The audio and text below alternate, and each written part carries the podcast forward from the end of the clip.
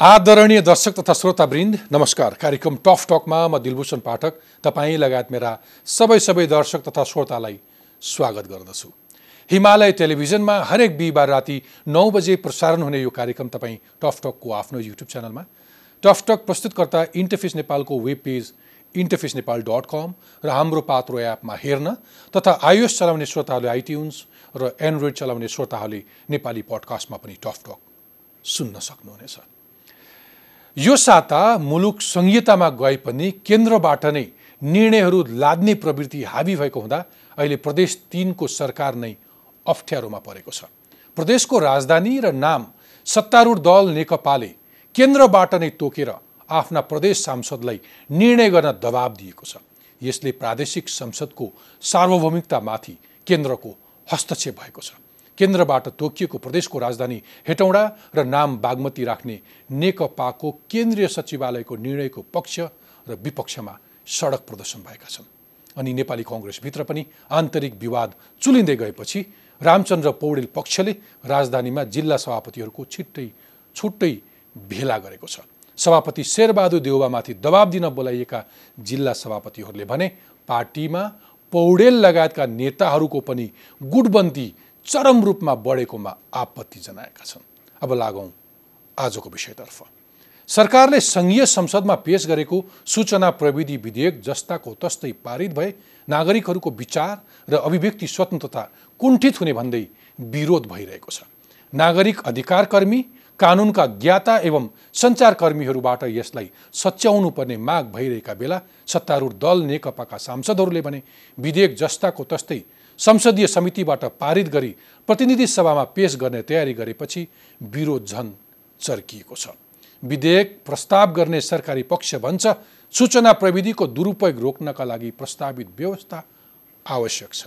तर नागरिक अधिकारकर्मी र सरकारवालाहरूको तर्क छ विधेयकको प्रस्तावित सजाय र जरिमाना सम्बन्धी व्यवस्था संविधानको मर्म र शक्ति पृथकीकरणको सिद्धान्त विपरीत छन्। यदि तपाईँ पनि सामाजिक सञ्जाल चलाउनुहुन्छ भने याद गर्नुहोला प्रस्तावित विधेयकमा सामाजिक सञ्जाल प्रयोग गरी गाली बेजती गरे पाँच वर्ष कैद र पन्ध्र लाख जरिमाना उल्लेख छ। यस्तो सजाय सरकारले गठन गर्ने सूचना प्रविधि अदालतले तोक्ने प्रावधान छ। कानुनविदहरू उक्त प्रावधान संविधानको धारा एक सय बाहन्न र संविधानको मूल मर्म शक्ति पृथकीकरणको सिद्धान्तको बर्खिलाभ रहेको ठान्छन्। संविधानको धारा एक सय बाहन्नमा एक वर्षभन्दा बढी कैद सजाय हुने फौजदारी कसुर सम्बन्धी मुद्दा अदालत वा विशिष्टकृत अदालत वा सैनिक अदालत वा न्यायिक निकाय बाहेक अन्य निकायको अधिकार क्षेत्रमा पर्ने छैन भन्ने उल्लेख छ। यो प्रावधान मिच्ने गरी सूचना प्रविधि विधेयक आएको छ।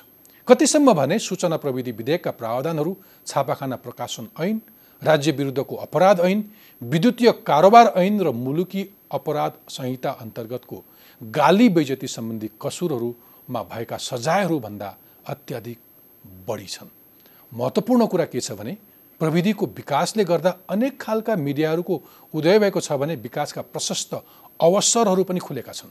नेपालमा पनि यसको प्रयोग बढ्दो छ तर यही प्रविधिको दुरुपयोग पनि उत्तेगी रूपमा बढिरहेको छ। सरकारी अनुमान अनुसार हाल झन्डै एक करोड नेपाली इन्टरनेट प्रविधिको पहुँचमा पुगिसकेका छन् र सामाजिक सञ्जाल प्रयोग गर्ने गर्छन्। प्रविधिको विस्तारसँगै त्यसको दुरुपयोग रोक्न कस्तो खालको कानुन आवश्यक पर्छ? सूचना प्रविधि र नयाँ मिडियाको विकास कसरी भइरहेको छ? समाज संस्कृति र विकासका लागि सूचना प्रविधि र नयाँ मिडियाको भूमिका कस्तो हुनुपर्छ? नेपालमा नयाँ मिडियाहरूको प्रयोग सही रूपमा भइरहेको छ? सामाजिक सञ्जाल र सूचना प्रविधिका अन्य टुल्सहरूको प्रयोगमा नेपालीहरू कति सचेत छन्? सरकारी संयन्त्रहरूले यसको आवश्यकता र उपायताबारे कति गम्भीरताका साथ बुझेका छन्? यस्तै प्रश्नहरूको जवाब खोज्न आज मसँग हुनुहुन्छ नयाँ मिडिया र सूचना तथा सञ्चार प्रविधिका विषयमा काठमाडौँ विश्वविद्यालय स्कुल अफ आर्ट्समा प्राध्यापन गरिरहनुभएका डाक्टर सुधांशु दाहाल उहाँले विकासमा सूचना प्रविधि अर्थात् आइसिटी फर डेभलपमेन्ट विषयमा भारतको चेन्नई स्थित अन्ना विश्वविद्यालयबाट विद्यावारिधि गर्नुभएको छ। दालसँग झन्डै दुई दशकदेखि सूचना र सञ्चार प्रविधिको क्षेत्रमा राष्ट्रिय तथा अन्तर्राष्ट्रिय संस्थाहरूमा काम गरेको अनुभव पनि छ। आउनुहोस् स्वागत गरौँ आजका मेरा अतिथि डक्टर सुधांशु दाहाललाई। सुधांशुजी डक्टरको स्वागत छ। धन्यवाद। आराम हुनुहुन्छ सर? एकदम ठिक। केमा व्यस्त हुनुहुन्छ आजकल? अध्यापन मात्रै अथवा अरू केही? अध्यापन मात्रै र अलिकति अलिअलि बढ्दै अध्ययनमा। तपाईँले रिसर्च पनि गर्नुहुन्छ। हजुर डेफिनेटली ओके म सिधै विषयमै प्रवेश गर्न चाहन्छु। अहिले संसदमा विचाराधीन सूचना प्रविधि विधेयकबाट कुरा सुरु गर्न चाहन्छु। तपाईँ यो विषयको अध्येता पनि हुनुहुन्छ। सरकारवालाहरूको चासो अत्याधिक बढी छ। यसमा केही आपत्ति जनाइरहनु भएको छ। तपाईँले चाहिँ ओभरअल कसरी हेर्दै हुनुहुन्छ यो विषयलाई? होइन हेर्नुहोस् वास्तवमा विधेयक सरकारी विधेयक हो। विधेयक आउनु आफैमा त्यति ठुलो नौलो कुरा पनि होइन र आपत्ति हुनुपर्ने कुरा पनि होइन। कहिलेकाहीँ चाहिँ विधेयकलाई दुई तरिकाले हेरिन्छ। एउटा चाहिँ नि त्यो कुन कुन परिस्थितिमा त्यो विधेयक आयो? भनेर हेर्नुपर्ने हुन्छ। अरू कुरा विधेयक विधेयक ल्याउँदाखेरिको इन्टेन्सन इन्टेन्सन के छ भनेर हेर्नुहुन्छ हेर्नुपर्ने हुन्छ। र इन्टेन्सन चाहिँ तपाईँले एउटा विधेयकलाई आइसोलेटली हेर्न सक्नुहुन्न। सिरिज अफ विधेयकहरू अथवा सरकारको चाहिँ नि सिरिज अफ कामहरूलाई हेरेर सायद एउटा चाहिँ नि तपाईँले अनुमान लाउन सक्नुहुन्छ। र अहिले पछिल्लो कालमा आएका चाहिँ नि केही दुई तिनवटा विधेयकहरू नै यो अभिव्यक्ति स्वतन्त्रतालाई अलिकति सङ्कुचित गर्ने खालका छन्। त्यसले गर्दाखेरि पनि वास्तवमा धेरै चर्चा भइरहेको छ जस्तो लाग्छ मलाई। इन्टेन्सन चाहिँ कसरी हेर्नुहुन्छ? विधेयक भनेको कानुन भनेको बिलहरू भनेको त वर्डमै हुन्छ होइन? फुल मेजोरिटीको सरकारले उसँग आफ्ना केही वचनहरू हुन्छन्। घोषणापत्रमा चुनावका बेलामा। उसले फुल मेजोरिटी लिएर आइसकेपछि त उसका आफ्ना सपना हुन्छन् आफ्ना योजना हुन्छन्। त्यो काम गर्नको लागि संसदको आफूसँग भएको फुल मेजोरिटीले आफ्नो अनुकूलको कानुन बनाउँछ र अगाडि बढ्छ संविधानभित्र बसेर होइन? अनि भएका कुराहरू कागजमा लेखिया हुन्छन्। यो अक्सर धेरैले सरकारको नियत नियत भनेको चाहिँ के? कस्तो नियत? के? तपाईँले भने जस्तै अभिव्यक्ति स्वतन्त्रता अथवा विचारको स्वतन्त्रतामै घाँटी समाउनु खोजे हो। डेफिनेटली त्यही नै देखिन्छ। किन भन्नुहुन्छ भने डेमोक्रेसी भनेको अलिकति करेक्सन गर्न चाहे रुल बाई मेजोरिटी होइन। डेमोक्रेसी चाहिँ नि रुल बाई कन्सेन्सस नै हो। मेजोरिटी त नम्बर्स हो so that things get smooth in the parliament है अब किनभने त्यो चिज तपाईँले अन्डरस्ट्यान्ड नगर्ने हो भने त त्यो डेमोक्रेसी र अटोक्रेसीमा के फरक भयो? असो अटोक्रेसीमा एब्सोलुट किन टु थर्ड मेजोरिटी हन्ड्रेड पर्सेन्टै हुन्छ नि फेरि एकाडेमिक्स मात्रै पनि डेमोक्रेसीको अरू थ्योरिजहरू हेर्न थाल्यो भने त फेरि त्यहाँ त्यहाँ शक्तिको त्यस पछाडि त्यहाँ अरू चाहिँ शक्तिवालाहरूले बढी लाभ लिन सक्ने भन्ने अरू सिद्धान्तहरू पनि छ होइन? त्यसकारण तपाईँले भनेको all are equals but some are more equals than others भन्छ नि। त्यसले गर्दाखेरि अलिकति बढ्ता इक्वल भएको चाहिँ नि धृष्टता देखिन्छ। जस्तै यो विधेयक मैले ल्याएको छु यो कानुन मैले बनाएको छु माने मान नमाने नमान भन्ने अभिव्यक्ति चाहिँ नि त्यो चाहिँ त्यो चाहिँ नि इन्टेन्ट त्यो हो। घन्टी त्यहाँ बच्छ होइन तर यति धेरै छाडा यति धेरै मन परिलाई अनि लट्ठी नलाउनु? कसको मन परि होइन? कसरी डिफाइन गर्नु छ तपाईँले मन परि जस्तै भनौँ न एउटा इक्जाम्पल दिन चाहेँ मैले। एउटा मांसाहारी समुदाय छ। एउटा सात्विक समुदाय छ। मांसाहारी समुदायको मर्यादा सात्विक समुदायमा लाउनु भयो भने कसरी मिल्ला? र सात्विक समुदायको मर्यादा मांसाहारीमा लाउनु भयो भने कसरी मिल्ला? त्यसले गर्दाखेरि मर्यादा इम्पोज गर्ने मर्यादा लाउने कुरो होइन। खराब हो भने सबै खराब हो र सही हो भने सही सबै सही हो। तर अहिलेको यो जुन वास्तवमा हामीले चाहिँ के हेर्छौँ भने जसरी यो उदारता बढिरहेछ नि ओपननेस जसरी बढिरहेछ नि। त्यसले गर्दाखेरि चाहिँ त्यहाँ एउटा सिङ्गल ट्रुथ छैन मल्टिपल ट्रुथ छ। सायद त्यो मल्टिपल ट्रुथको पर्सपेक्टिभबाट हेरियो भने चाहिँ नि सायद यो देखिँदैन कि। र डेफिनेटली समाजले आफ्नो एउटा मर्यादा निर्धारण गर्छ। अमर्यादित व्यवहारलाई डेफिनेटली चाहिँ समाजले तिरस्कार गर्छ र त्यो हराएर जान्छ भन्ने हो। तर अमर्यादा हुनलाई पनि एक्सप्रेसन त हुनु पर्ला नि। ठिक छ। ओके तपाईँलाई आज मैले निम्ता गर्नुको विशेष कारण छ कि तपाईँले सूचना प्रविधि विकासमा कसरी प्रयोग गर्न सकिन्छ भन्ने विषयमा पिएचडी गर्नुभएको छ। त्यसकारण सूचना र प्रविधिको आवश्यकताको बारेमा अब अथवा विकासमा यसलाई कसरी जोड दिन सकिन्छ जोड्न मिल्छ अरू मुलुकले कसरी गरेछन् हामी त्यसमा आउँछौँ। तर पहिले त कानुन नै हो। त्यो सबै बाटो पहिलो खोल्ने कानुनको कुरा हो। तर कानुनमा यति धेरै विमतिहरू आउन थालेपछि तपाईँसँग पहिले कानुन अलिकति केलाउने प्रयत्न गरौँ अनि यसको विकासमा हामी कसरी जोड्छौँ त्यो कति ढङ्ग पुऱ्याएर प्रयोग गरेका छौँ होइन? यो कानुन किन आवश्यकता पर्यो भनेर हामी पछि कुरा गर्छौँ। ओके तपाईँले अघि भने जस्तै पर्टिकुलरली यहाँ यो कानुन चाहिँ ल्याउनुको उद्देश्य अघि तपाईँले विकासमा अथवा सूचना प्रविधिको प्रयोगमा भन्दा पनि केही नियतहरू गलत छ केही मान्छेहरूलाई नियन्त्रण गर्न ल्याइरहेको छ अथवा आफ्नो एउटा दम्ब देखाइरहेको छ सरकारले भन्दै हुनुहुन्छ? अनि त्यस्तो पोलिटिकल कमेन्टमा म जान्न। म एज अ एकाडेमिक म एकाडेमिक नै कुरा गर्छु। त्यो होइन। जस्तै इन्टेन्सन एक्सप्रेसिभ मात्रै होइन। जस्तै तपाईँको चाहिँ नि ल्याटेन्ट इन्टेन्सन के अथवा इनहेरिटेड इन्टेन्सन के हो भन्ने कुरा विधेयक हेर्नुभयो भने के देखिन्छ भने जसरी सजायको चाहिँ नि प्रावधान राखिएको छ कसुर। र कसुरमा जुन अमाउन्ट राखिएको छ नि दस लाखभन्दा माथिकै तपाईँका चाहिँ झन्डै दसवटा भन्दा बढ्ता कसुर छन्। र यस्तो भेग छ इन्टरप्रिटेसन जहाँबाट पनि हुनसक्छ। त्यसमाथि केही तपाईँको दफामा त यसको सजाय अधिकतम कानुनले तोके बमोजिम हुनेछ भन्ने छ। त्यो गर्दा केही गरेर राज्यद्रोहको मुद्दा अट्र्याक्ट गर्यो सरकारले भने तपाईँ चाहिँ नि जे के अरे आजीवन कैद हुनसक्छ तपाईँलाई। तपाईँ एउटा लेखेको भरमा बोलेको भरमा आजीवन कैद गर्ने व्यवस्था हामीले ल्याएका हौँ त? प्रश्न त्यहाँ हो। र डेमोक्रेसी त्यो हो त लेखेको भरमा? होइन नि। को लागि सोच्ने आधार छ कि? त्यसको लागि चाहिँ हामीसँग फौजदारी कानुन छुट्टै छ। फौजदारी संहिता हामीसँग छुट्टै छ। यता फौजदारी संहिताले त्यसलाई एड्रेस गर्छ। तपाईँमा एकदम मेलेसियस इन्टेन्ट छ। युआर क्रिमिनल भनौँ न एउटा इक्जाम्पल भनेदेखि त्यसलाई डिल गर्ने अर्कै तरिका छ। तर एक्सप्रेसन होइन, पोइन्ट मोमेन्टमा हुन्छ। त्यो पोइन्ट मोमेन्टमा भएको एक्सप्रेसनलाई तपाईँले ठुलो कानुनको चाहिँ नि डन्डा लाएर त्यस्तो गर्नुपर्छ होइन तर म अलिकति टफ अलिकति क्रिटिकल पनि हुन चाहन्छु कतिपय केसमा। अघिल्लो पटक पनि मिडिया विद्याको हकमा भनेको थिएँ। गलतै नगर्ने पत्रकार किन डराउनु पर्यो भनेर मैले एक एक किसिमको च्यालेन्ज पनि गरेका थिएँ कि हामी किन डराउने? पहिले इमान्दार त हुनु पर्यो। बदमासी यति धेरै छ कि यसको दुरुपयोग यति धेरै छ कि त्यसकारण कानुन पनि कडा हुनुपर्छ भन्ने पक्षमा म एकदम स्पष्ट छु। तर बेसिकली अहिलेको विषय चाहिँ के हो भने केही कुराहरू चाहिँ गलत नियतले लिइएको छ। अलिकति अदालत बन्ने प्रक्रिया यसलाई फुटाउन सजिलो पर्छ। अदालत बन्ने प्रक्रिया अथवा सजाय कति भन्ने मुख्य विषय चाहिँ आम सरकारवालाको चासोको विषय हो। सरकारले चाहिँ के गर्ने हो भने पनि न्यायालयले दिएको सजाय कार्यान्वयन गर्ने हो। उसले न्यायालयको ढोकासम्म लैजाने होइन। सैद्धान्तिक भन्दा पनि अलिकति पोइन्टमै जाउँ। जस्तो जस्तो नियमित अदालतको कार्यक्षेत्र मिच्ने गरी आयो सिधा सिधा भन्दाखेरि पोइन्ट्सहरू भनौँ न। एउटा तपाईँलाई भन्नुभयो कि म कानुनको विद्यार्थी नभए हुनाले त्यसो भन्न सक्दिनँ। तर. के चाहिँ नि आयो भने न्याय पाउने तपाईँको अधिकार अरू कानुनले संरक्षित गर्दा गर्दै यहाँ चाहिँ नि तपाईँको अभिव्यक्ति स्वतन्त्रता एक्सप्रेस हुने ठाउँमा त्यो चिजलाई ल्याएर जबरजस्ती इन्भोक गरियो। इन्टेन्ट भनेको त्यो हो। त्यसलाई त्यहाँ किन इन्भोक गर्नु पर्यो भन्ने हो। किन त्यो लाग्दा ठाउँ छ नि त अन्त भन्ने हो।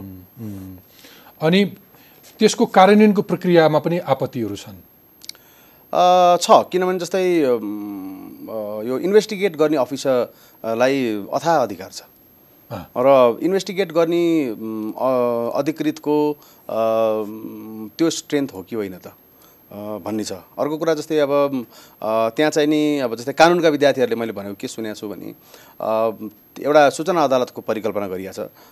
तर I'm very positive about that सूचना प्रविधि अदालतको तर। त्यो सूचना अदालतमा फेरि जसरी अन्य अदालतमा न्यायाधीश नियुक्ति गर्दाखेरि त्यो एउटा न्याय परिषद लगायत न्यायपालिकाको एउटा कुनै संयन्त्रले न्यायाधीश नियुक्ति गर्छ। त्यसमा कठोर विधि छ नि त्यो एउटा न्यायाधीश पठाउनु छ, पर्ने छ। हो, हो। तर यो अदालतको न्यायाधीश चाहिँ कार्यपालिकाको संलग्नतामा जसलाई पठाए पनि हुन्छ भन्ने खालको मुख्य पहिला चाहिँ नि एकजना न्याय सदस्य भन्ने थियो। त्यसलाई चाहिँ अहिले अमेन्ड गरिएर जिल्ला न्यायाधीश भन्ने राखिएको छ। त्यहाँ चाहिँ न्याय परिषद अट्र्याक्ट भयो।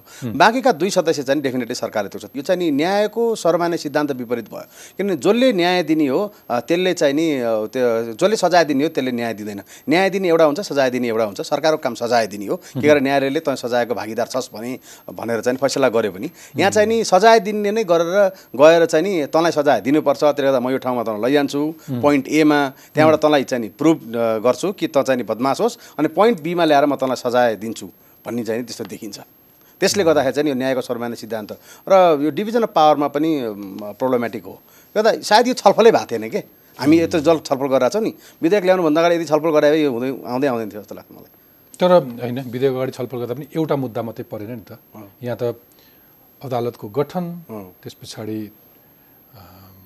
सजायको व्यवस्था एउटा मात्रै विषय भएन नि। सबै कुराहरूमै तपाईँहरूको आपत्ति छ नि। होइन? अथवा आम सरकारवालाको आपत्ति छ अथवा प्रश्न चिन्ह छ नि होइन?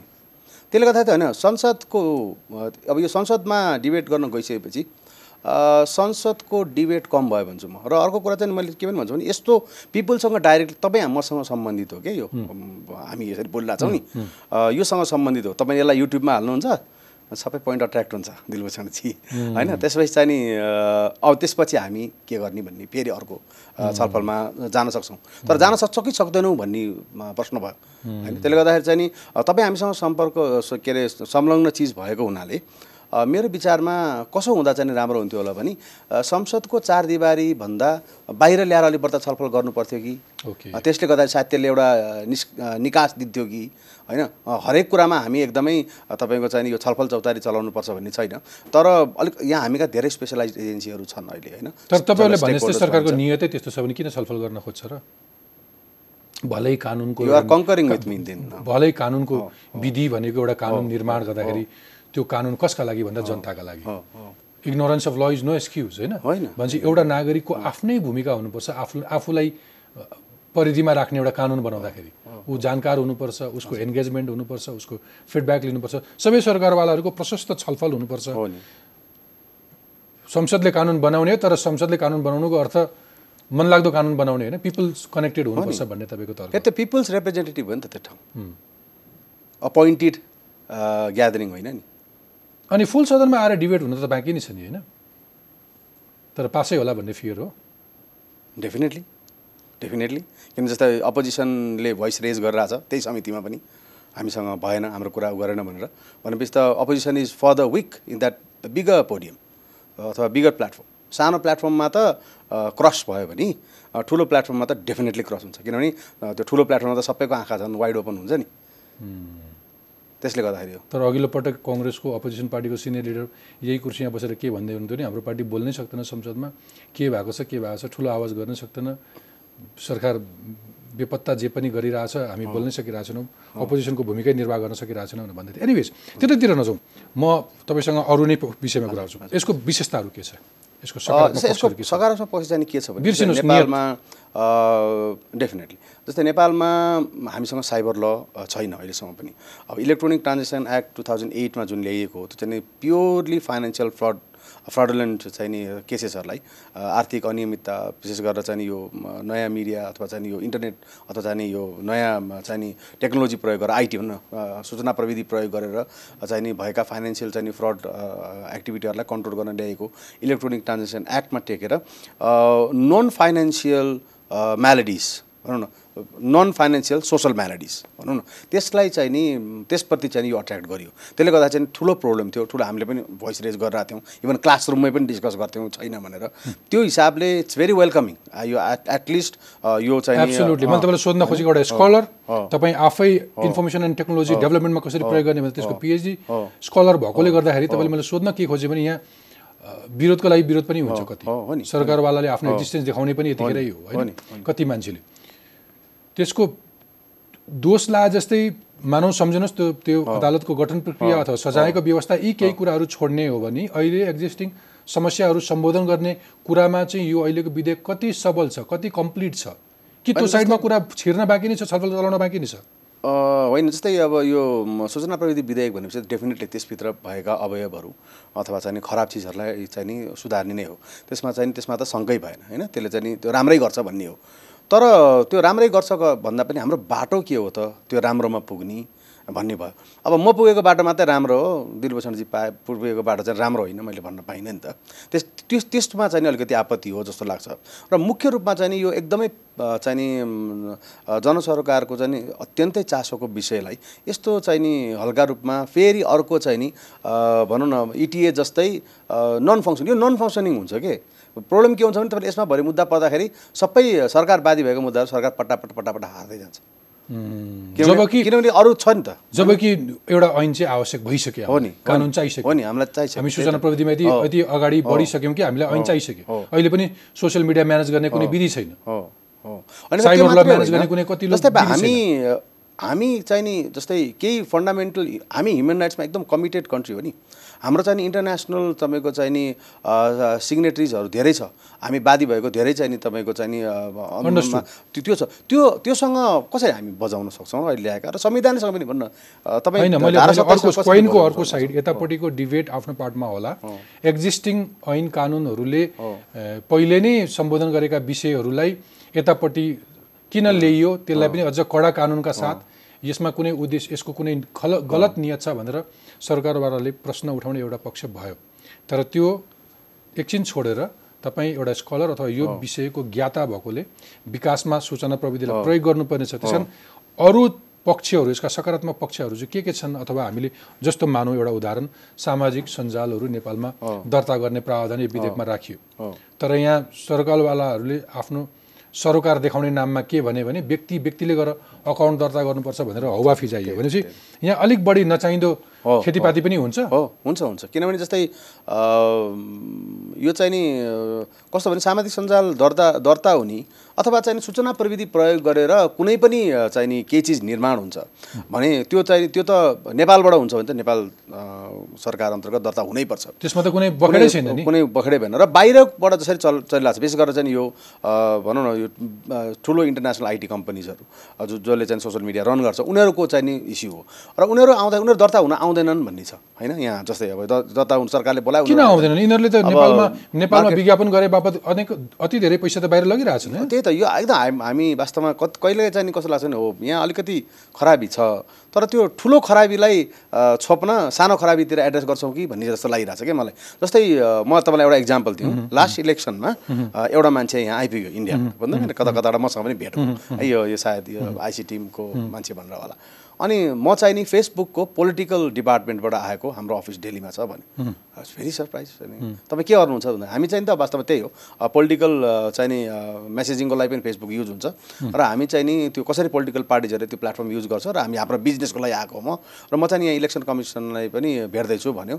अनि उसले इलेक्सन कमिसनलाई भेट्यो बुझ्नु भएन अनि भेटेपछि इलेक्सन इलेक्सन कमिसनले त उसलाई चाहिँ जुन हाम्रो चाहिँ नि यो तपाईँको साइलेन्ट टाइम पिरियड हुन्छ इलेक्सनमा त्यो साइलेन्ट टाइम पिरियड तिमीले रेस्पेक्ट गर्नुपर्छ भनेर उसलाई भन्यो। उसले मलाई आएर के भन्यो भने definitely will respect that okay त्यो त दर्ता भयो नि त। हो। अब अब अब यो यो यो विधेयक अथवा यसमा हामी अहिले धेरै विवादका कुराहरूमा नकोटौँ त्यसको अलिकति सकारात्मक साइड हेर्न खोजौँ। अलिकति मुलुकमा ओभरअल आइसिटीको प्रयोग र प्रभाव हेर्न सकौँ हेर्न खोजौँ न हामी। विश्वमा जुन हिसाबले सूचना प्रविधिको गति तीव्र छ नि त्यसमा हामी कहाँ छौँ नेपालमा? त्यो तीव्र गतिमा कतिपय परिवेशमा हामी सँगसँगै छौँ। जस्तै भनौँ न इन्टरनेट प्रयोग गरेर के नयाँ चिज लिएर आउने कुरामा होइन? र चाहिँ नि त्यो इन्टरनेट प्रयोग गरेर आफूलाई उभ्याउने क्रममा त्यो क्रममा हामी झन्- झन्डै सँगसँगै छौँ। अब हामी कहाँ चाहिँ अलिकति पछाडि छौँ होला? जस्तो पूर्वाधारहरू छन् नि आइसिटी इन्फ्रास्ट्रक्चर्स। आइसिटी इन्फ्रास्ट्रक्चर्सहरूमा चाहिँ हामी विक छौँ किन हामीसँग हामी बलियो इकोनोमी होइन। त्यसले गर्दा चाहिँ हामीसँग हाम्रो सरकारसँग पैसा छैन कसैले दिएको पैसामा गर्नुपर्ने हुन्छ। त्यहाँ चाहिँ हामी विक छौँ। तर जहाँ हामीले त्यो चिज त्यो चिज भेट्टायौँ नि त्यसको प्रयोगमा त हामी संसारसँग काँधमा काँध मिलाएर हिँडेका छौँ। हामी भनेको युवा समुदाय। विशेष गरेर सोह्रदेखि चौबिस। तर तिनको त सोसियल मिडिया मेरो उमेरले नमिले पनि म त्यो भावनासँग। नजिक हुन चाहेँ। ठिक छ। त्यो त सोसियल मिडियाको साइडमा अलिक बढी। तर सोसियल मिडिया मात्रै होइन। Internet as a career business development सबैमा प्रयोग हो सरकारी संयन्त्रहरूले इन्फर्मेसन कम्युनिकेसन टेक्नोलोजीलाई कुन हदसम्म प्रयोग गर्न सकेको छ? जस्तो तपाईँले विश्वका अरू मुलुकहरू हेऱ्यो भने त होल सरकारको सिस्टम त्यही त छैन। जस्तै मन्त्रालयहरू अहिले पनि म कुनै एउटा सरकारी संस्थामा गएँ भने दुई दिन अगाडि पनि एउटा काम गर्नलाई नागरिकताको प्रतिलिपि बुझाउँछु एक हप्तापछि गयो भने अर्को प्रतिलिपि पठाउँछु। त्यो संस्थासँग छैन। प्रपर डिजिटलाइज गर्ने डकुमेन्ट गर्ने प्रोसेस त छैन। छैन। त्यसो भए किन त मुलुकमा करोडभन्दा बढी जनसङ्ख्याले चाहिँ इन्टरनेटमा एक्सेस गर्छन् भनेर भनिसकेपछि हो नि। त्यति धेरै नागरिकमा चाहिँ इन्टरनेटको पहुँच पुगिसकेको छ भने त्यो आइसिटीलाई किन जोड्न सक्दैन सरकार? त्यही त यो के देखिन्छ भने जस्तै एउटा इक्जाम्पल दिउँ। यसको चाहिँ अलिकति जस्तै यो राष्ट्रिय सूचना आयोगले चाहिँ नि ओपन गभर्मेन्ट डेटा कसरी चाहिँ फेसिलिटेट हुनसक्छ भनेर चाहिँ एउटा हाई लेभल कमिटी बनायो। फर्चुनेटली म पनि त्यसको एउटा मेम्बर थिएँ। त्यहाँ चाहिँ नि नेपाल सरकारका सबै प्रायः जसो सबै एकदम पावरफुल मन्त्रालयका सचिवहरू सदस्य हुनुहुन्थ्यो। हामीले प्रधानमन्त्रीलाई शेरबहादुर देव प्रधानमन्त्री हुँदाखेरि त्यो आयोगको तर्फबाट चाहिँ नि त्यसको प्रतिवेदन पनि बुझायो। तत्कालीन आयोगका चाहिँ नि आयुक्त प्रमुख आयुक्तले है र उहाँको टिमले। अनि त्यसमा हामीले चाहिँ के भनेको थियो भने किन सरकार चाहिँ जस्तै यत्रो इन्टरनेटको प्रयोग भइरहेछ जस्तै जुन तथ्याङ्क छ सरकारको एकदमै मन्डेन तथ्याङ्क जुन चाहिँ एकदम स्ट्राटेजिक होइन साधारण के जस्तै बजेट त्यस्तो कुराहरू चाहिँ नि किन चाहिँ खुला गर्न खोज्दैन सो द्याट मान्छेले त्यसलाई उपयोग गरेर चाहिँ नि पुनर्प्रयोग गरून् र मुलुक समृद्धितर्फ अगाडि बढोस्। ओके त्यो जहाँको त्यहीँ छ। त्यो प्रतिवेदन तत्कालीन प्रधानमन्त्रीले बुझ्नुभयो। तत्कालीन मुख्य सचिवलाई ह्यान्डओभर गर्नुभयो। म जस्तो एउटा एकाडेमिसियनले चाहिँ के बुझेँ भने ओहो यो त सरकारले यसलाई त अपनत्व लियो ओनरसिप लियो। अब यो अनुसार काम हुन्छ भनेको खै उल्टो उल्टो विधेयक पो संसदमा प्रस्तुत हुन्छ त। होइन? त्यो के लिटरेट नभएको हो? अहिलेको डिजिटल मिडिया अथवा इन्फर्मेसन टेक्नोलोजीको अनि त्यसलाई एकदमै? त्यसको त्यसको इम्पोर्टेन्सप्रति इग्नोरेन्ट भयो। एकदमै इग्नोरेन्ट भयो। तर आजको दिनमा सबैभन्दा इम्पोर्टेन्ट टुलै त्यही हो भेकलै त्यही हो नि विकासको लागि। योभन्दा शक्तिशाली भेहिकल बनाउने आधार पनि त्यही नै हो अहिले। किनभने तपाईँको जस्तै अब ठुल्ठुलो संसारको ठुल्ठुलो स्टक एक्सचेन्ज हेर्नु न त्यहाँ लिस्टेड कम्पनीजहरूमा एक दुई तिन चार पाँच त यही आइटी कम्पनीहरू छ। किन भयो त? संसारले किन त्यतातिर इन्भेस्टमेन्ट गरिरहेछ? होइन? अहिले पेट्रोकेमिकल्स ठुल्ठुलो चाहिँ तपाईँको चाहिँ रियल इस्टेटहरू होइन। संसारलाई चाहिँ गाइड गर्ने बिजनेसमा होइन? अथवा मर्कन्टाइलिजम नै भनौँ न त्यसैमा हो भने पनि। त्यो पनि अहिलेको आइटी कम्पनी हो भनेपछि त्यहाँ त सबै चिज रहेछ नि त। र हामी जस्तो हाम्रो जस्तो मुलुकमा त झन् त्यो त भनौँ न सर्भिस अ, चाहिँ नि इकोनोमी बढाउने हो यसले। होइन जहाँ चाहिँ हामीलाई एकदमै तपाईँको चाहिँ यो फिजिकल हार्डवेयर चाहियो इन्फ्रास्ट्रक्चर चाहिएन। त्यस्तो कुरो कुरामा धेरै फेसिलिटेट गर्नुपर्ने हो होइन हुनुपर्ने हो जस्तो लाग्छ मलाई। मैले यो अलिकति लिट्रेसीको कुरा अझै पनि कोट्याउन खोजेँ। यति ठुलो सङ्ख्यामा हामी नेपालीहरू इन्टरनेटको प्रयोग गरिरहेछौँ। सामाजिक सञ्जाल त्यति नै धेरै प्रयोग गरिरहेछौँ। तपाईँले अघि भनेको रेकमेन्डेसन्सहरू सरकारमा बस्नेहरूलाई दिँदाखेरि चाहिँ तपाईँले आशा गरेको कुराहरू पनि छ। तर ओभरअल हेऱ्यो भने चाहिँ हामीसँग मिडिया लिट्रेसी छैन भन्दा हुन्छ। अथवा यसलाई मेरो अडियन्सलाई मेरो दर्शकलाई अझ बुझ्ने गरी भन्दाखेरि चाहिँ हामी साक्षरताको कुरा गर्दैछौँ। सूचना प्रविधिको साक्षरता हामी कहाँ कति छ? अथवा मैले चलाइरहेको इन्टरनेट मैले कति सही तरिकाले प्रयोग गर्न सकेको छु? सदुपयोग गर्न सकेको छु। अथवा मसँग भएको सोसल मिडिया एउटा फेसबुक अथवा एउटा ट्विटरको जति पावर छ त्यसलाई मैले कति ढङ्ग पुऱ्याएर प्रयोग गरेको छु भन्ने ज्ञान हामीलाई छ? छ इन्फर्मेसन लिटरेटहरू भएकोमा छ। जस्तै भनौँ न मेरो विश्वविद्यालयमा हामीले त्यो फेसबुकलाई क्लास म्यानेजमेन्ट टुलको रूपमा युज गर्छौँ क्या। भेरी इन्ट्रेस्टिङ है? हामीले फेसबुकमा क्लोज ग्रुप बनाउँछौँ हरेक क्लासको। सारा क्लास म्यानेजमेन्ट त्यहाँबाट हुन्छ। असाइनमेन्ट दिने असाइनमेन्ट सबमिट गर्ने। किन त फेसबुकले के फिचर छन् त्यसले गर्दाखेरि चाहिँ नि भनौँ न अब त्यो शिक्षा दिने ठाउँमै छौँ नि हामी। फेसबुक नचल अब कहिलेकाहीँ कोही कोही विद्यार्थी त्यो त तपाईँको एउटा एउटा विश्वविद्यालयको क्लास भयो। तपाईँ पोस्ट ग्रेजुएट्सहरूलाई पढाउनु हुन्छ होइन? तर होइन अन्डर ग्रेजुएट हो अन्डर ग्रेजुएट ओके। तर आम मान्छेहरू जसको हात हातमा फेसबुक अकाउन्ट छ। उसँग इमेल आइडी छैन। छैन हो नि। इन्टरनेट प्रदायक अथवा अरू कसैको टोल छिमेको कसैले एउटा इमेल खोलेर उसको फेसबुक अकाउन्ट खोलिदिएछ तर उसँग इमेल छैन भनेको त्यसको पासवर्ड पनि अरू कोहीसँग छ। उसको फेसबुकको अकाउन्टमा उसले जति पनि अपडेट्सहरू हालिरहेछ अरू कसैले हेरिरहेछ जसलाई उसले खोल्न लगायो त्यसको चाबी अरू कोहीसँग छ। तर ऊ आफ्नो टाइमलाइन हेरेर दङ्ग परिरहेछ। जथाभावी लेखिरहेछ। हो हो नि। फेरि फर्किने हो अघि। हामीले जहाँबाट यो बहस सुरु गरेका थियौँ। त्यो त फेरि यी कुराहरूलाई व्यवस्थापन गर्न खोजिरहेछ। एकदमै। एकदमै राष्ट्रपतिको टाउकोमा हो नि। अरू कुनै हो नि हो नि। त्यसमा अरू त कसैको टाउको राखेको छ? प्रधानमन्त्रीको टाउकोमा। अरू कसैको टाउको राखेको छ? त्यसमा त दिमेती नै छैन दिलभूषणजी। के छ भने सो त्यो त्यो त्यो साक्षरता त्यो त एकदम ठुलो भल्नरेबिलिटी छ तपाईँले भने आमा। एकदमै द्याट इज स्टाक फ्याक्ट र त्यही त हो त्यसले गर्दाखेरि एउटा फेसबुक सञ्जाललाई दुरुपयोग गरेर मुलुकमा कतिले चुनाव जितेको देशको सत्ता परिवर्तन गरेका घटना पनि छन् छैन? छ छ छ छ नि। त्यसले गर्दाखेरि त्यस्तो त्यो दुराशयलाई नियन्त्रण गर्नलाई अ, अघि मैले भने नि सोसल म्यानिटी भने अङ्ग्रेजी शब्द प्रयोग गरेँ। त्यो सोसल म्यानिटीलाई कन्ट्रोल गर्दा डेफिनेटली हामीलाई ल चाहिन्छ कानुन चाहिन्छ। त कानुन. चाहिँदैन भन्ने हुँदै होइन। तर कस्तो कानुन चाहिन्छ? कसरी चाहिन्छ? यसरी छलफल गरेर आएपछि त सायद त्यस्तो अघि हामीले सुरुमा गरेको कुरै गर्नु पर्दैन थियो। हो होइन मैले पनि त्यो कानुनमा बढी विवादका विषयमा छलफल जारी छँदैछ। तर त्यो कुन पृष्ठभूमिमा आयो किन जरुरी छ भनेर त्यसमा पनि अलिकति केलाउन खोजेँ। पछिल्लो समय हामी न्यू मिडिया न्यू मिडिया भन्छौँ अलिकति ट्रेडिसनल मिडिया भन्छौँ। परम्परागत मिडियामा पत्र पत्रिकाहरू टेलिभिजन्सहरूको चाहिँ दर्शक पाठकहरू घटेर गए। सबै चाहिँ यो आधुनिक न्यू मिडिया प्रयोग गरिरहेछन् फोनमा जे पनि आउँछ युट्युबर्सहरू पनि त्यही छन्। अनलाइनहरू पनि यति बग्रेलती खुल्या छन् भनेर एक किसिमको टिप्पणी छ। तपाईँ एउटा स्कलर तपाईँ यसैको ज्ञाता अध्येता भएकोले गर्दाखेरि चाहिँ अहिले इमर्ज भएका नयाँ मिडियाहरू चाहिँ कति अनुशासित छन्? यिनले कति धेरै विकासमा समृद्धिमा क्याटर गरेको छ? अथवा यो सबै बोगस हो यो जङ्क मात्रै हो? होइन जग मात्रै होइन यो दुनियाँमा त जङ्क बढी छ नि होइन। त्यही त। अनि जङ मात्रै होइन किन त्यो चाहिँ जस्तै त्यही भनिहाल्ने। तपाईँले उयो ओपननेस भएपछि तपाईँले झलल्ल बत्ती बालेपछि घरका सबै कसिङ्गर देखिए जस्तो हो कि? तर बत्ती बाल्नुको उद्देश्य कसिङ्गर देखाउनु होइन नि। उज्यालो प्राप्ति गर्नु हो नि। त्यसले गर्दाखेरि चाहिँ यो यी नयाँ मिडियाहरूले वास्तवमै उज्यालो प्राप्तिका लागि सहायक छन् यी मिडियाहरू। विकासै भन्नुहुन्छ भने। अब हामीले के देख्छौँ भने विकास भनेको खालि आर्थिक विकास देख्छौँ देख्छौँ कि?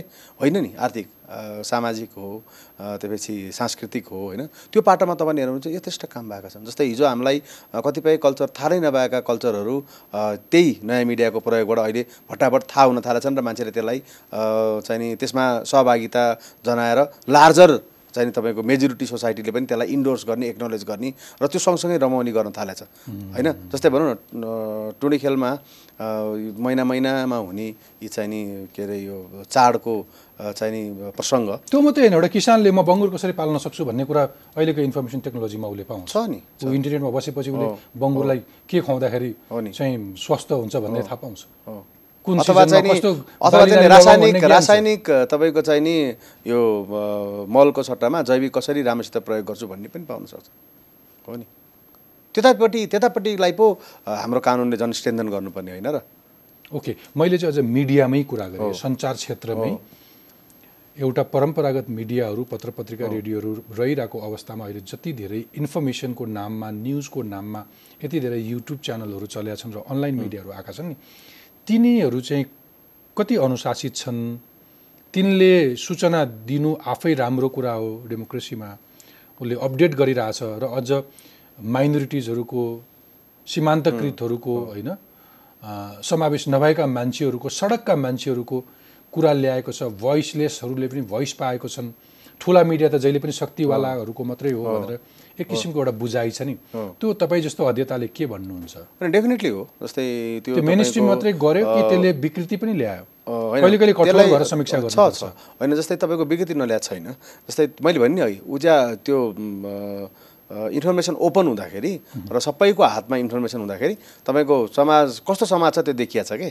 हाम्रो समाज केमा इन्जोय गर्छ त्यो देखिया छ? मान्छे हाम्रो समाज त यसै उटपटाङ कुरामा इन्जोय गर्दो रहेछ नि। त्यही भएर तपाईँले युट्युब खोल्नुभयो भने ट्रेन्डिङ ट्रेन्डिङ भन्नेमा सारा उटपटाङ चिज देख्नुहुन्छ। सबै समाजको ट्रेन्डिङ मनोरञ्जनात्मक मात्रै छ कि घातक पनि छ? एकदमै घातक छ। मनोरञ्जन मनोरञ्जनात्मक त छैन भन्छु म।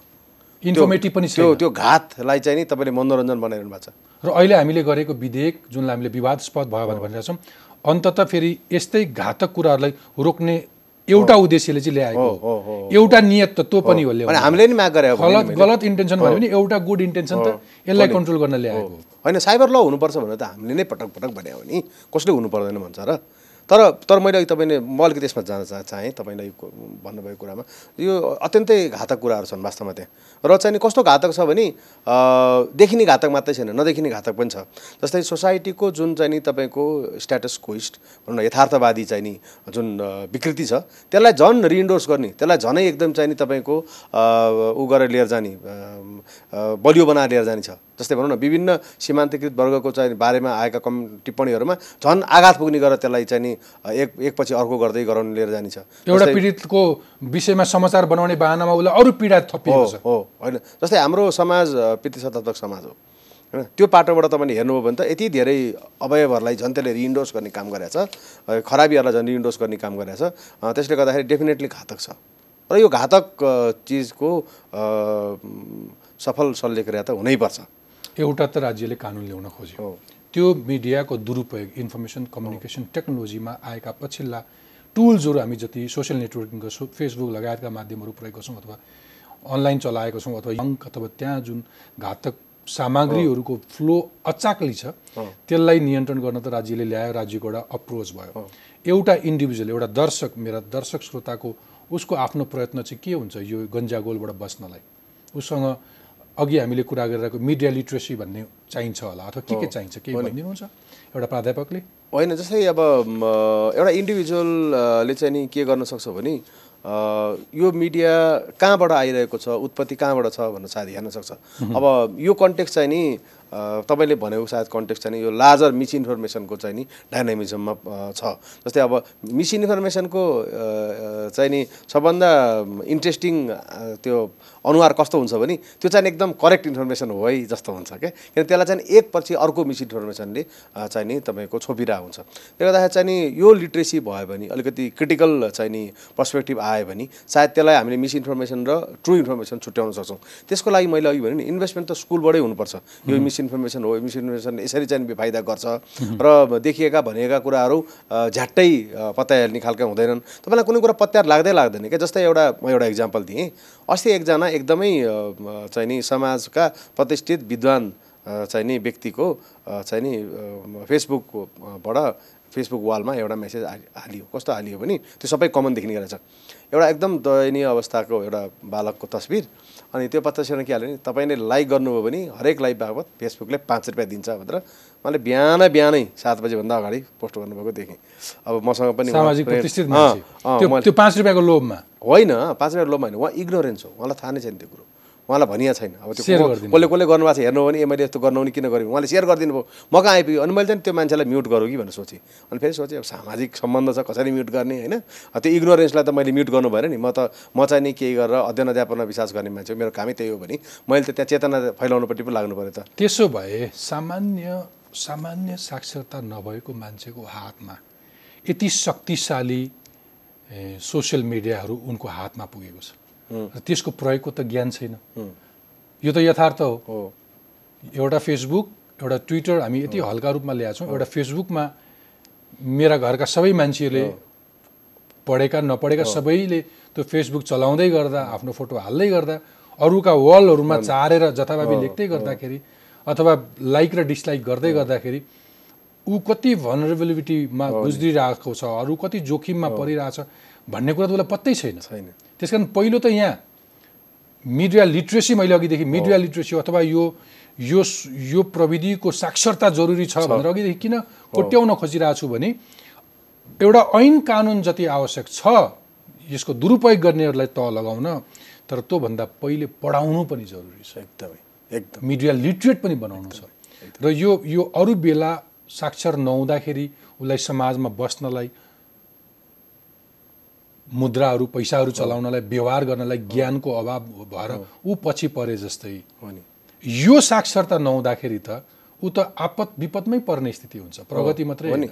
ऊ जोखिममा पर्न सक्छ। अघि सरकारले भनेको पन्ध्र लाख रुपियाँ र वर्षौँको सजायमा पर्न सक्छ होइन?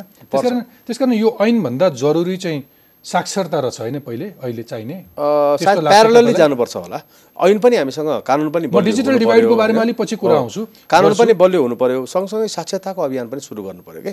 सरकारको। सरकारको दायित्व चाहिँ नि सायद त्यतातिर बढ्ता हुन्छ जस्तो लाग्छ मलाई। यो साक्षरता अभियानलाई लैजाने। अब देखिन्छ भने क्या? दुई दिने कम्प्युटर ट्रेनिङ तिन दिने इन्टरनेट ट्रेनिङ भने जस्तो। त्यस्तो होइन। त्यसलाई चाहिँ एकदम प्लान गरेर रोबस्टली यो कसरी इन्स्ट्रुमेन्टल हुनसक्छ लार्जली तपाईँको सोसियल मिडिया प्रदायकहरूले पनि लार्ज इन्डिभिजुअललाई पनि सिकाउनु पर्छ होला जस्तो सरकार त अथवा राम्रो सिस्टम भएकै ब्याङ्किङहरूलाई च्यालेन्ज गरे अस्ति चाहिँ चिनिया ह्याकर्सहरूले आएर एटिएमबाट खनखन पैसा झिकेर लगे।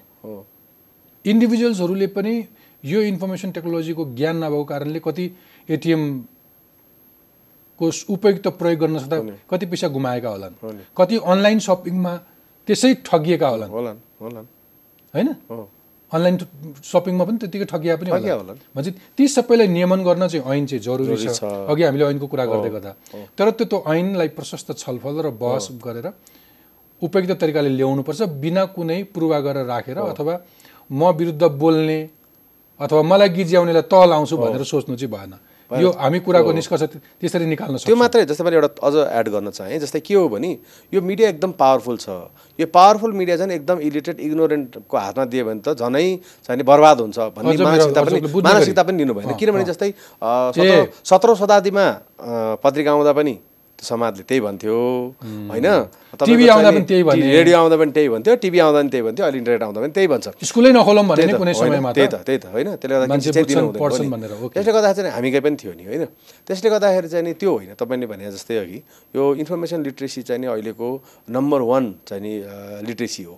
होइन भनेपछि त्यो लिट्रेसी नभइकन अरू लिट्रेसीहरू फरक पछाडि पर्ने भए के? जस्तै तपाईँले एबिसिडी चिन्हलाई पनि यो लिट्रेसी चाहिने जस्तो भयो अहिले।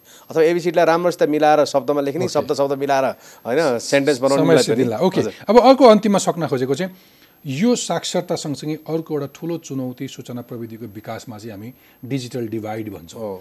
जो डिजिटल डिभाइड भनेको सूचना प्रविधिको विकासले फेरि पहिलेको धनी र गरिबमा अर्थका हिसाबले चाहिँ गहिरो खाडल भने जस्तै यहाँनिर पहुँच सूचना र प्रविधिमा पहुँच हुनेहरू र नहुनेहरू बिचमा पनि खाडल छ।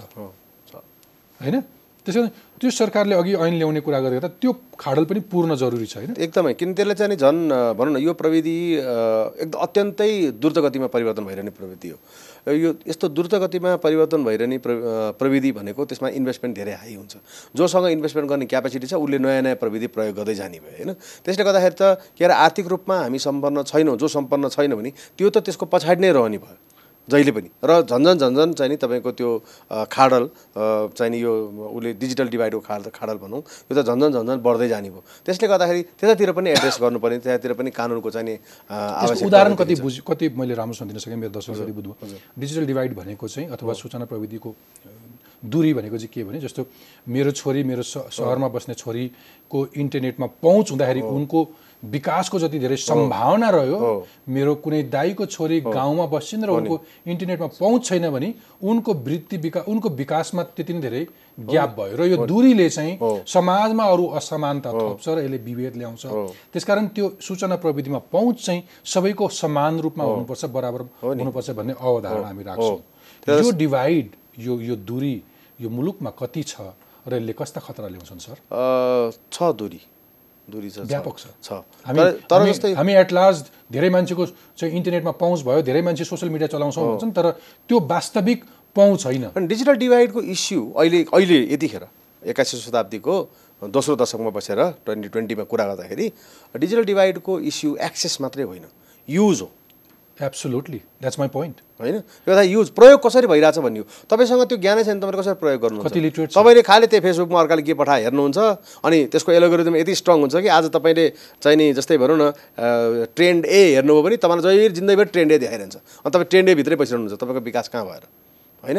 त्यसले गर्दाखेरि चाहिँ त्यो त्यस्तो झन् यो त झनै तपाईँको चाहिँ नि तपाईँलाई यो एउटा साँगुरो घेराभित्र पार्ने क्षमता झन् धेरै छ यसमा। त्यसमाथि उसलाई। एक्सप्लोइट पनि गर्न सक्ने भयो। उसको उसको सर्फिङको हिस्ट्री हेरेर उसलाई त अरू उसको होराइजनै ठुलो भएन नि। त्यसले गर्दा चाहिँ ऊ त झनै कन्सटेन्ट हुन गयो। त्यस्तो बेलामा त एक्सप्लोइटरहरूले उसलाई चाहिँ नि धेरै ठुलो मिसयुज गर्न सक्ने भयो। Smart marketing? गर्नेहरूले। त्यही त। त्यही त भइरहेछ नि। कुनै एउटा पोइन्टमा स्मार्ट पोलिटिसियन्सहरूले हो। होइन यहाँ त के सुनिएको छ भने जस्तै त्यो लट्री भन्ने आयो नि नाइजेरियन स्क्याम त्यसमा चाहिँ हाम्रै यहाँ कतिपय व्यापारीहरू चाहिँ नि दुबई गएर फँसेका छन् भन्ने कुरा सुनिन्छ बजारमा। घरका कसै मान्छेलाई सुटुक्क नभनिकन गएको छन् पैसा उठाउनु अनि उता जाँदाखेरि चाहिँ उल्टो सबै लुटिएर चाहिँ नि हार गुहार गरेर मागेर फर्किनु पर्यो। ओके। सर अब हामीले यो यति लामो छलफल गऱ्यौँ कि सरकारले ल्याउन खोजेको एउटा विधेयक त्यस पछाडि विकासमा सूचना प्रविधिको आवश्यकता त्यस पछाडि मिडिया लिट्रेसी र डिजिटल डिभाइड यति धेरै कुरा गरिसकेपछि र तपाईँको आफ्नो पिएचडी थेसिस चाहिँ विकासमा सूचना प्रविधिको विषय भइसकेका कारणले जाँदा जाँदै म तपाईँलाई एक मिनट समय दिन्छु मैले केही छुट्याएँ भने। आजको सन्दर्भमा विकासका लागि सूचना प्रविधि हामी कसरी जोड्न सक्छौँ अथवा तपाईँको सुझाव के छ? सबभन्दा ठुलो कुरा त हामीले यो हाम्रो विकासका हरेक पक्षमा यो सूचना प्रविधिको चाहिँ नि उच्चतम प्रयोग हुनसक्छ भन्ने कुरालाई इन्टरलाइज गर्नु पर्यो प्लानर्सहरूले होइन? एग्रेसिभली अगाडि बढ्नु पर्यो सरकारले र एकदमै, चाहिँ नि- विश्व धेरै अगाडिको पुगिसकेको छ। त्यो कन्सल्टेसनमा जानु पर्यो र जस्तै युजको कुरामा नि हाम्रो युथलाई सिकाइरहनु पर्ने छैन कि? यसरी प्रयोग गर भनेर। तपाईँले खालि सर्टेन प्लेटफर्महरू क्रिएट गरेर सर्टेन इन्फ्रास्ट्रक्चरल जुन चाहिँ नि प्रोभिजन हो त्यति मात्रै गर्दै नि पुग्ने छ अहिले। र म्यासिभली इन्भेस्टमेन्ट गर्नु पर्यो र अध्ययन अनुसन्धान गर्नु पर्यो अब हामी विश्वविद्यालयमा छौँ अध्ययन अनुसन्धान गर्न खर्च लाग्छ। होइन? त्यो हामी कहाँबाट त्यो त्यो कहाँबाट ल्याउने खर्च भन्ने नै ठुलो चाहिँ विश्वविद्यालय आफूमा सम्पन्न छैन त्यो खर्च जेनेरेट गर्नलाई। अब सरकारले चाहिँ नि सहयोग गर्नु पऱ्यो र सरकारले चाहिँ नि सायद यो पाटोबाट चाहिँ नि अगाडि बढ्यो भने सायद यी सबै चाहिँ नि अप्ठ्याराहरूका सही निष्कर्ष निस्किन्छन् जस्तो लाग्छ मलाई। काठमाडौँका गरेर विद्यालय र काठमाडौँको काठमाडौँको विद्यालय अथवा काठमाडौँ विश्वविद्यालयका विद्यार्थीले मात्रै किन सोसियल मिडिया युज गरेर होमवर्क अथवा क्लासरुमको असाइनमेन्ट गर्न पाउने? देशभरिका विद्यार्थीले पनि त्यसरी टेक्नोलोजी युज गरेर आफ्नो होमवर्क असाइनमेन्ट घरमा गर्न पाए भने पाउनु पऱ्यो नि। पाउनु पर्यो नि होइन? राज्यले त त्यसलाई त ग्यारेन्टी नै गर्नु पर्यो Exactly. होइन? होइन? सायद त्यही नै होला सबभन्दा ठुलो आजको हुन्छ सर मिडिया लिट्रेसी बढाउन अथवा डिजिटल डिभाइड घटाउन तपाईँले दिनुभएको सुझाव अथवा आजको महत्त्वपूर्ण समय र विचारका लागि धेरै धेरै धन्यवाद। मलाई पनि यो मौका दिनुभयो धेरै धेरै धन्यवाद।